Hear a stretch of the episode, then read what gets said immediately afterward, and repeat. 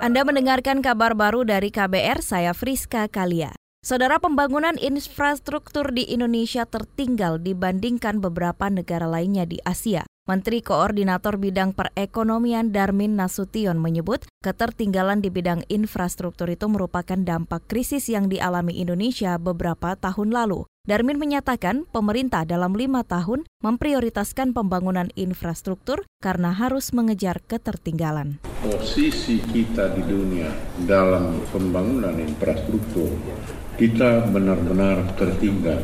Sehingga pemerintahan Pak Jokowi JK itu mengambil posisi menempatkan prioritas infrastruktur ini sebagai prioritas yang betul-betul sebagian besar resources dan energi kita digunakan untuk itu. Menko Perekonomian Darmin Nasution menambahkan saat ini pemerintah juga sedang merancang pembiayaan infrastruktur yang juga dibiayai swasta, BUMN, dan APBN.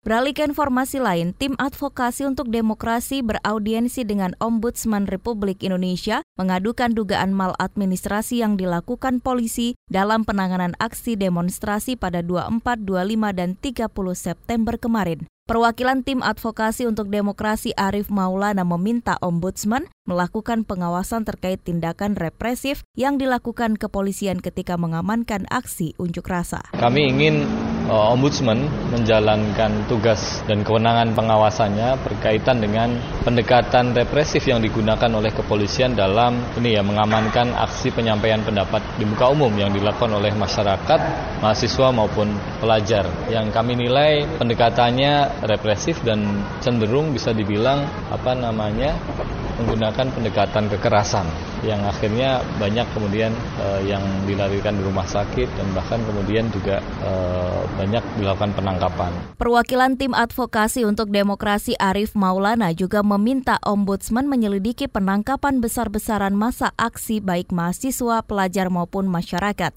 Selain ke Ombudsman, tim advokasi untuk demokrasi juga akan mengadu ke Komisi Nasional Hak Asasi Manusia dan melaporkan tindakan represif kepolisian saat aksi unjuk rasa lalu.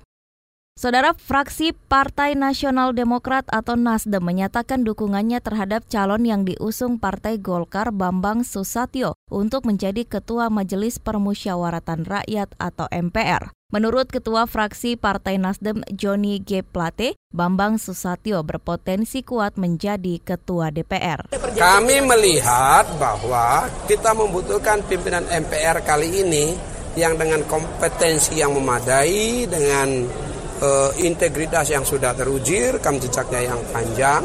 Apalagi ya tantangan bangsa ini adalah apa? MPR harus menjadi garda terdepan dari konsensus kebangsaan kita.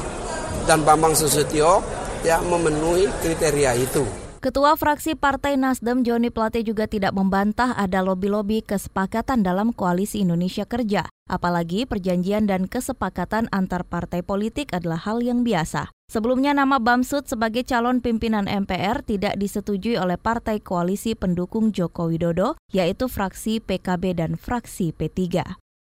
Kita menuju ke Nusa Tenggara Barat. Gubernur Nusa Tenggara Barat Zulkifli Mansyah memerintahkan stafnya untuk memantau warga asal provinsi itu di Papua pasca kerusuhan yang terjadi di Wamena. Saudara Gubernur Nusa Tenggara Barat memastikan warga NTB di Papua dalam kondisi aman meski sempat terjadi kerusuhan yang menyebabkan gelombang pengungsi dari Wamena ke Jayapura. Kita sudah perintahkan dinas sosial bahkan staf ahli untuk khusus melihat itu. Kita terus berkoordinasi dengan Pak Pangdam, Pak Danrem untuk apa perlu kita ke sana apa enggak dan kesimpulan mereka karena ini sensitif. Jangan sampai kita ke kita ke sana yang punya daerah merasa jadi bukan kita nggak mau demonstratif ke sana, tapi kan kita menjaga perasaan kepala daerah dan pemerintah pusat.